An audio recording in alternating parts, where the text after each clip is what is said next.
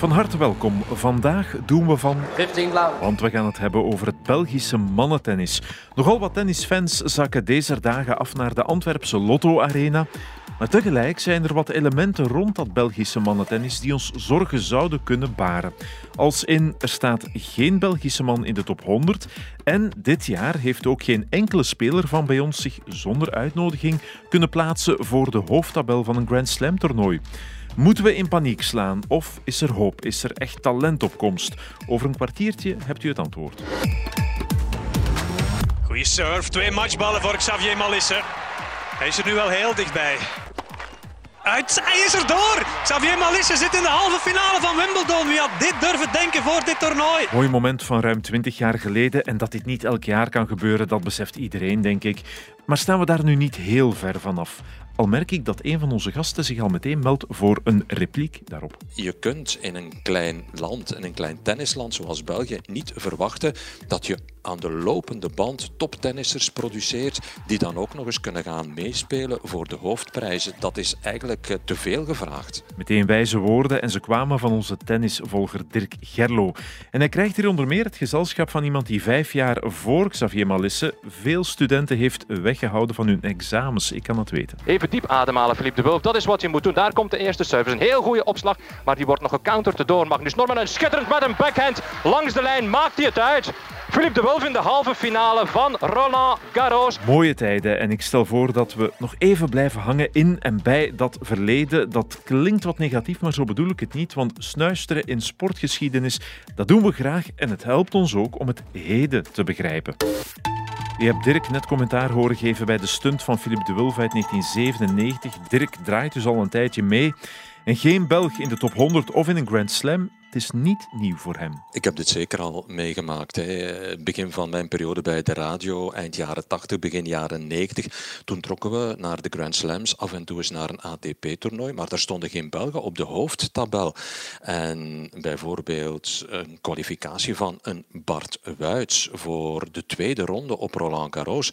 Dat werd toen een beetje beschouwd als een mirakel. Hij versloeg ergens op baan nummer 1 een Guy Forget, toch grote naam toen in het Franse tennis. En daar kreeg de speler Bart Wuits heel veel aandacht voor grote koppen in de kranten.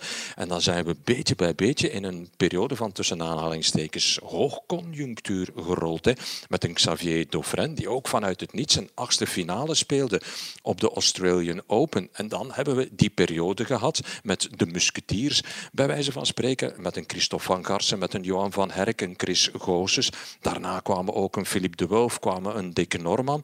We hadden altijd Belgen, we hadden er zelfs soms drie, vier op de hoofdtabel van een Grand Slams bij de mannen alleen. En dan hebben we natuurlijk de periode gekregen met de grotere successen. Met een Xavier Malisse, halve finale op Wimbledon. Met een David Goffin, met uh, een plaats in de top 10 van de wereld. Maar we hebben het wel degelijk meegemaakt, wat we nu meemaken. Namelijk geen Belg op de hoofdtabel van een groot toernooi. Laat staan van een Grand Slam. Dus het gaat af en toe, zou je kunnen zeggen, met golfbewegingen, met periodes van relatieve hoogconjunctuur, met wat meer kwantiteit. En nu zitten we dan weer in een periode waarin het zoeken is naar een Belg in de top 100. Spoiler alert, het woord golfbeweging gaat nog terugkomen. Weliswaar niet hier, letterlijk bij Philippe de Wulf. Hij vult nog aan bij Dirk. Ik denk dat dat ergens een, een beetje pech is. Een logisch gevolg ook van uh, het feit dat we maar een klein land zijn, met een kleine vijver om uit te vissen. Ik denk dat we er in België 200 thousand. Tennisleden zijn. Dat is niet echt enorm. En ook ja, de concurrentie uh, mondiaal is uh, ja, nog, nog vergroot uh, de laatste jaren. Heel veel spelers komen van overal ter wereld, krijgen kansen. Landen waar vroeger niet veel getennist werd, ik denk aan China of zo, daar komen nu ook ineens drie mannelijke spelers naar boven. Afrika begint zich te roeren. om maar te zeggen, ja, de concurrentie is enorm. dat maakt dat het voor de Belgen of de Belgische mannen ook moeilijker is om uh, door te breken. Want die top 100 halen, dat kan een beetje klinken als dat moet nu toch nog lukken, maar dat zou niet correct zijn. Als je in de top 100 staat, dan ben je echt al heel erg goed. Klinkt misschien ongeloofwaardig, maar het is wel zo. Uh, als je spreekt over de top 100, dat is inderdaad absolute top. En als je nu zit te kijken naar wedstrijden op het challenger-niveau, op het niveau tussen zeg maar 100 en 250 op de wereldranglijst, dan sta je elke keer opnieuw versteld van het enorm hoge niveau dat daar bereikt al wordt. Dus op dit moment iemand in de top 100 krijgen van de wereld, ja, dat is echt niet zo evident meer. Zullen we eens inzoomen op nog een paar zaken? Wordt er hier in ons land goed gewerkt rond tennis? Of het nu vanuit federatie of privé-initiatieven is? Philippe de Wulf vindt zeker van wel. De voorbije 30 jaar hebben we dat toch redelijk goed bewezen. Als je dat vergelijkt met de, de, onze omringende landen. Ik denk maar aan Nederland, waar ze na de, de gouden generatie van Krajcek en Haarhuis in de jaren 90, waar dat ze daar toch een serieuze uh, duik hebben genomen en lange tijd geen enkele mannelijke speler hadden bij de beste 100. Um, als je kijkt naar Groot-Brittannië of zo, die hadden wel uh, Tim Henman in mijn tijd. En dan, daarna zijn die een beetje stoemelings op uh, Andy Murray gebotst, die in Spanje is gaan trainen, dus eigenlijk ook niet door de, door de federatie is opgeleid. België heeft er altijd voor gezorgd dat ze profs in de top 100 kregen. En goede profs en goede spelers en goede speelsters. En nu is dat bij de mannen een beetje minder. Maar uh, als er talent uh, opduikt in België, dat dat wel gaat gevonden worden. Uiteindelijk is ons land ook niet zo groot. Dat is een voordeel van, van een klein landje te zijn. Ja, maar toch complimenten voor hoe wij het in België doen. En dat zal deze man graag horen. Ik ben Tom de Vries, sportief directeur topsport Tennis Vlaanderen. En mijn, mijn hoofdverantwoordelijkheid is samen met collega Bart de Keersmaker is de leiding nemen van het topsportcentrum Tennis en Padel Vlaanderen in Wilrijk. Dat doet mij eraan denken, ik had u nog iets beloofd. Weet je, dat zijn sowieso golfbewegingen. En ik denk dat wij in Vlaanderen en België staan voor, voor sterke trainersopleidingen, sterke jeugdopleidingen. En met een goed gevarieerd toernooienschema, nationale, internationale toernooien, waardoor je toch wel altijd die voeding van onderuit gaat krijgen. Alle gekheid op een stokje, als het de tweede keer gaat over golfbewegingen, dan geloven we dat intussen wel graag. En hoe zit het eigenlijk met dat toernooi? toernooischema waar het net over ging. Het toernooischema voor alle leeftijden tot 18 jaar. We gaan daarmee beginnen, de echte jeugd dus. Zijn er genoeg toernooien? Want dat is wel belangrijk. Ja, voor de jeugd sowieso. Hè. Als je op dit moment kijkt, er zijn op dit moment in, in België, ik pak dan even uh, Vlaanderen en Wallonië samen, zijn er 20 internationale jeugdtoernooien. Als we dat combineren met het Belgisch jeugdcircuit, waar de Belgische toppers onder elkaar nog spelen, en we combineren dat met de nationale toernooien, zijn er zeker voldoende internationale mogelijkheden voorhanden in België. Dus bij ons is het inderdaad, we hebben iets minder internationale toernooien dan, dan de grotere Europese landen, gelijk Italië, gelijk Spanje en Frankrijk en dergelijke. Maar vanuit België, moeten eerlijk zijn, is het ook wel vrij makkelijk reizen naar de omliggende buurlanden. Maar dan, je bent 18 geworden, gezegend met wat talent en je wil doorgroeien. Daar wil Dirk nog wel wat over kwijt. Neem nu bijvoorbeeld de maand oktober, waarin we nu in zitten. In België kunnen onze spelers, zoals een Alexander Bloks, zoals een Gilles Arnaud Bailly, zoals een Gauthier Auclin, niet terecht voor instaptoernooien op het professionele niveau. We hebben er een paar in de zomer, maar daar houdt het ook mee op. En als je dan bijvoorbeeld kijkt naar de landen die op dit moment veel spelers hebben in de top 100, neem bijvoorbeeld Italië, neem bijvoorbeeld Frankrijk, neem bijvoorbeeld Spanje, ja, daar kunnen die jonge potentiële latere top 100 spelers, die kunnen terecht in eigen land om op een makkelijke manier contact te hebben met de internationale concurrentie, zonder daarvoor al te veel investeringen ook te moeten doen.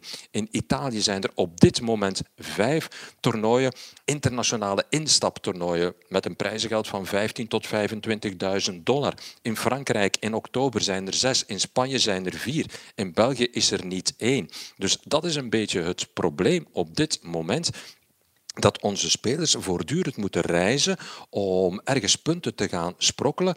Omringende landen bieden de mogelijkheid aan hun spelers om, om sneller in eigen land internationale ervaring op te doen. Ik denk dat het daarvoor een stukje nog aan ontbreekt in eigen land. Een aandachtspunt, want talent dat is en blijft aanwezig, zegt Tom de Vries. Als we kijken tussen de leeftijd 12 en 18 jaar, zijn er ongeveer een, eh, ruim genomen een dertigtal spelers die een topsportstatuut hebben. Om je een voorbeeld te geven, als we terug gaan kijken naar het Henk tijdperk, ja, dat blijft eigenlijk jaarlijks ongeveer hetzelfde. Daar zullen sommige jaren zijn tot er dat 20 zijn, zullen sommige jaren zijn dat er dat 32 zijn, maar daar blijft dat wel zo ergens rond. Dus daar richting die, die toptalenten in Vlaanderen zijn, zijn geen grote verschillen in de laatste jaren. En dat terwijl de Vries ook beseft dat dat niet evident is. Ook al ziet hij bij de instroom op dit moment geen probleem, Er is natuurlijk de concurrentie van andere sporten. Ja, we moeten daar niet flauw over doen. Er zijn natuurlijk, als we vergelijken met, met 20 jaar geleden, zijn er nu veel meer sporten in, concurrentie. Plus, we moeten niet vergeten, tennis is een, is een lange termijn ontwikkelingssport. Ja. Ook op recreatief competitieniveau, dan hoeft nog niet over topniveau te zijn, duurt het toch wel enkele jaren. Voordat je wedstrijden kan spelen in tennis, ben je toch al een aantal jaren lessen aan het volgen. Terwijl als je bijvoorbeeld gaat voetballen op jonge leeftijd, kan je al vanaf het eerste jaar wedstrijden spelen. En we weten allemaal in een sport, van het moment dat je wedstrijden kan spelen, dan is het risico op drop-out ook veel lager. Maar het talent is er dus, ook nu. Hoe zeggen ze dat op sociale media? Een draadje. Ik denk dat we vooral moeten durven naar de toekomst kijken. En als we naar de toekomst kijken, zijn er toch wel heel wat jongens die kloppen aan de deur. Niet direct van de top 100, maar, maar die wel goed ontwikkelen. Gauthier Onclin is 22 jaar. Je hebt een Rafael Collignon aan de Waalse kant, uh, die 21 jaar is. Je hebt uh, een Thibaut Colson, 23 jaar. Je hebt een Gilles Arnaud Bailly, 18 jaar. Je hebt een Alexander Bloks, 18 jaar. Dus er is wel iets op komst. Gilles En uh, Alexander Bloks. Uh, de voortekenen zijn alleszins zeer positief. Ze hebben allebei uh, in de finale van een Grand Slam toernooi gestaan in, op juniorniveau. Ze zijn nummer 1 van de wereld geweest bij de juniors. Ze hebben een eerste min of meer profjaar redelijk goed verteerd. Ze hebben vooruitgang gemaakt, zowel in de rankings als qua tennis, qua maturiteit. Maar om nu te zeggen dat zij volgend jaar allebei in de top 100 gaan staan, dat is een beetje voorbarig, denk ik. Uh, ik denk dat alles wel uh, op zijn plaats staat bij de jongens. Dat ze goed omkaderd zijn, dat ze nuchter zijn, dat ze weten dat ze nog hard moeten werken. En dat is, zijn toch al, uh, ja, nogmaals, goede voortekenen dat ze binnen afzienbare tijd uh, mee gaan doen op de grote toernooien en uh, het Belgische tennis terug wat meer op de kaart gaan zetten. En in het licht van wat we al gezegd hebben, spreekt het natuurlijk voor zich dat de European Open in Antwerpen een geschenk is voor jongens als Bloks en Bailly. Je kan je voor eigen volk meten met de echte top, je moet geen extra kosten maken door in het buitenland gaan spelen enzovoort. Maar ook om andere redenen die met onze tennistoekomst te maken hebben, is het belangrijk dat die European Open er is, zegt Philippe de Wulf. De, de factor van de, van de kinderen die geïnspireerd kunnen raken door, uh, door het wereldtennissen dat ze te zien krijgen. Ik geloof dat op de European Open dat er twee dagen georganiseerd zijn dat de kids of de scholen mogen komen kijken in de Lotto Arena. Je weet nooit dat je daar maar iemand triggert om, uh, om een raket in hand te nemen en uh, uit te groeien tot de nieuwe Xavier Malisse of de nieuwe David Goffin.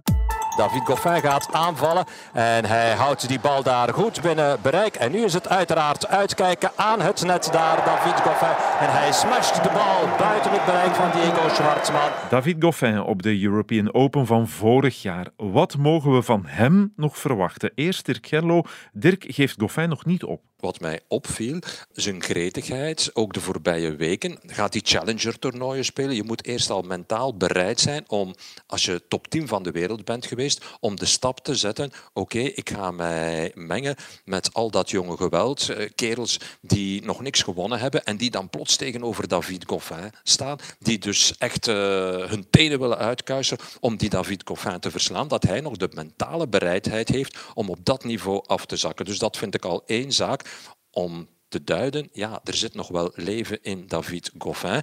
Hij wil verder investeren in zijn carrière. Wat mij ook opvalt, is dat hij, wat hij vroeger altijd een beetje op zijn eentje deed, aan zijn mentaliteit werken. Ik heb hem ook in Antwerpen gezien. Hij heeft nu zijn mental coach ook bij. Maar natuurlijk, je ziet het bij een Dominique-team, gisteren een heel moeilijke wedstrijd gehad om voorbij een qualifier te geraken. Je ziet hoe Andy Murray na fysieke problemen last heeft gehad om weer een beetje internationaal topniveau te bereiken. Je ziet dat bij heel veel spelers. Dus uh, David Goffin ontsnapt daar ook niet aan. Hij heeft fysieke problemen gehad. En om dan, als je een periode oud bent geweest, om dan terug dat niveau van weleer te krijgen, dat is gigantisch moeilijk geworden. Om die volgende generaties wat tijd te gunnen om aansluiting te vinden, zou het toch uh, fijn zijn als hij misschien nog een jaar, uh, een seizoen eruit kan persen en, en, hier en daar nog een prestatie zou kunnen neerzetten. De generatie die dus Goffin en, en Steve Darcy en zo moest opvolgen, dat was dan Zizou Bergs. En die, ja, daar geloof ik nog altijd in dat dat mogelijk is. Die is nog maar 24 jaar, geloof ik. Dus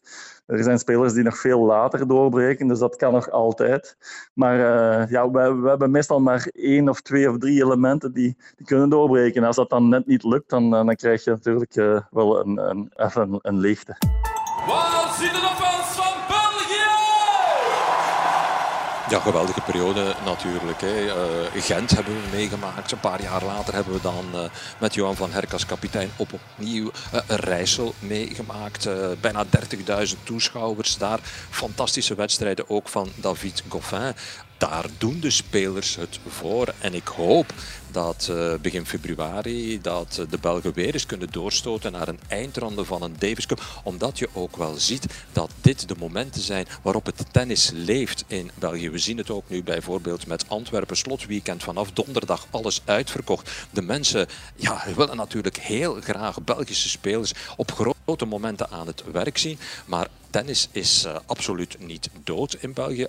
European Open bewijst dat. En momenten zoals wat we nu net gehoord hebben, ja, dat zijn de momenten die het tennis doen leven in ons land. En wat onthouden we uiteindelijk? Wel, dat is deze samenvatting van Philippe de Wulf. Ik dank u voor het luisteren en graag tot een volgende keer. Je moet nu niet alles in vraag gaan stellen volgens mij. Het is een kwestie van tijd voordat we terug uh, uh, omhoog kunnen kijken.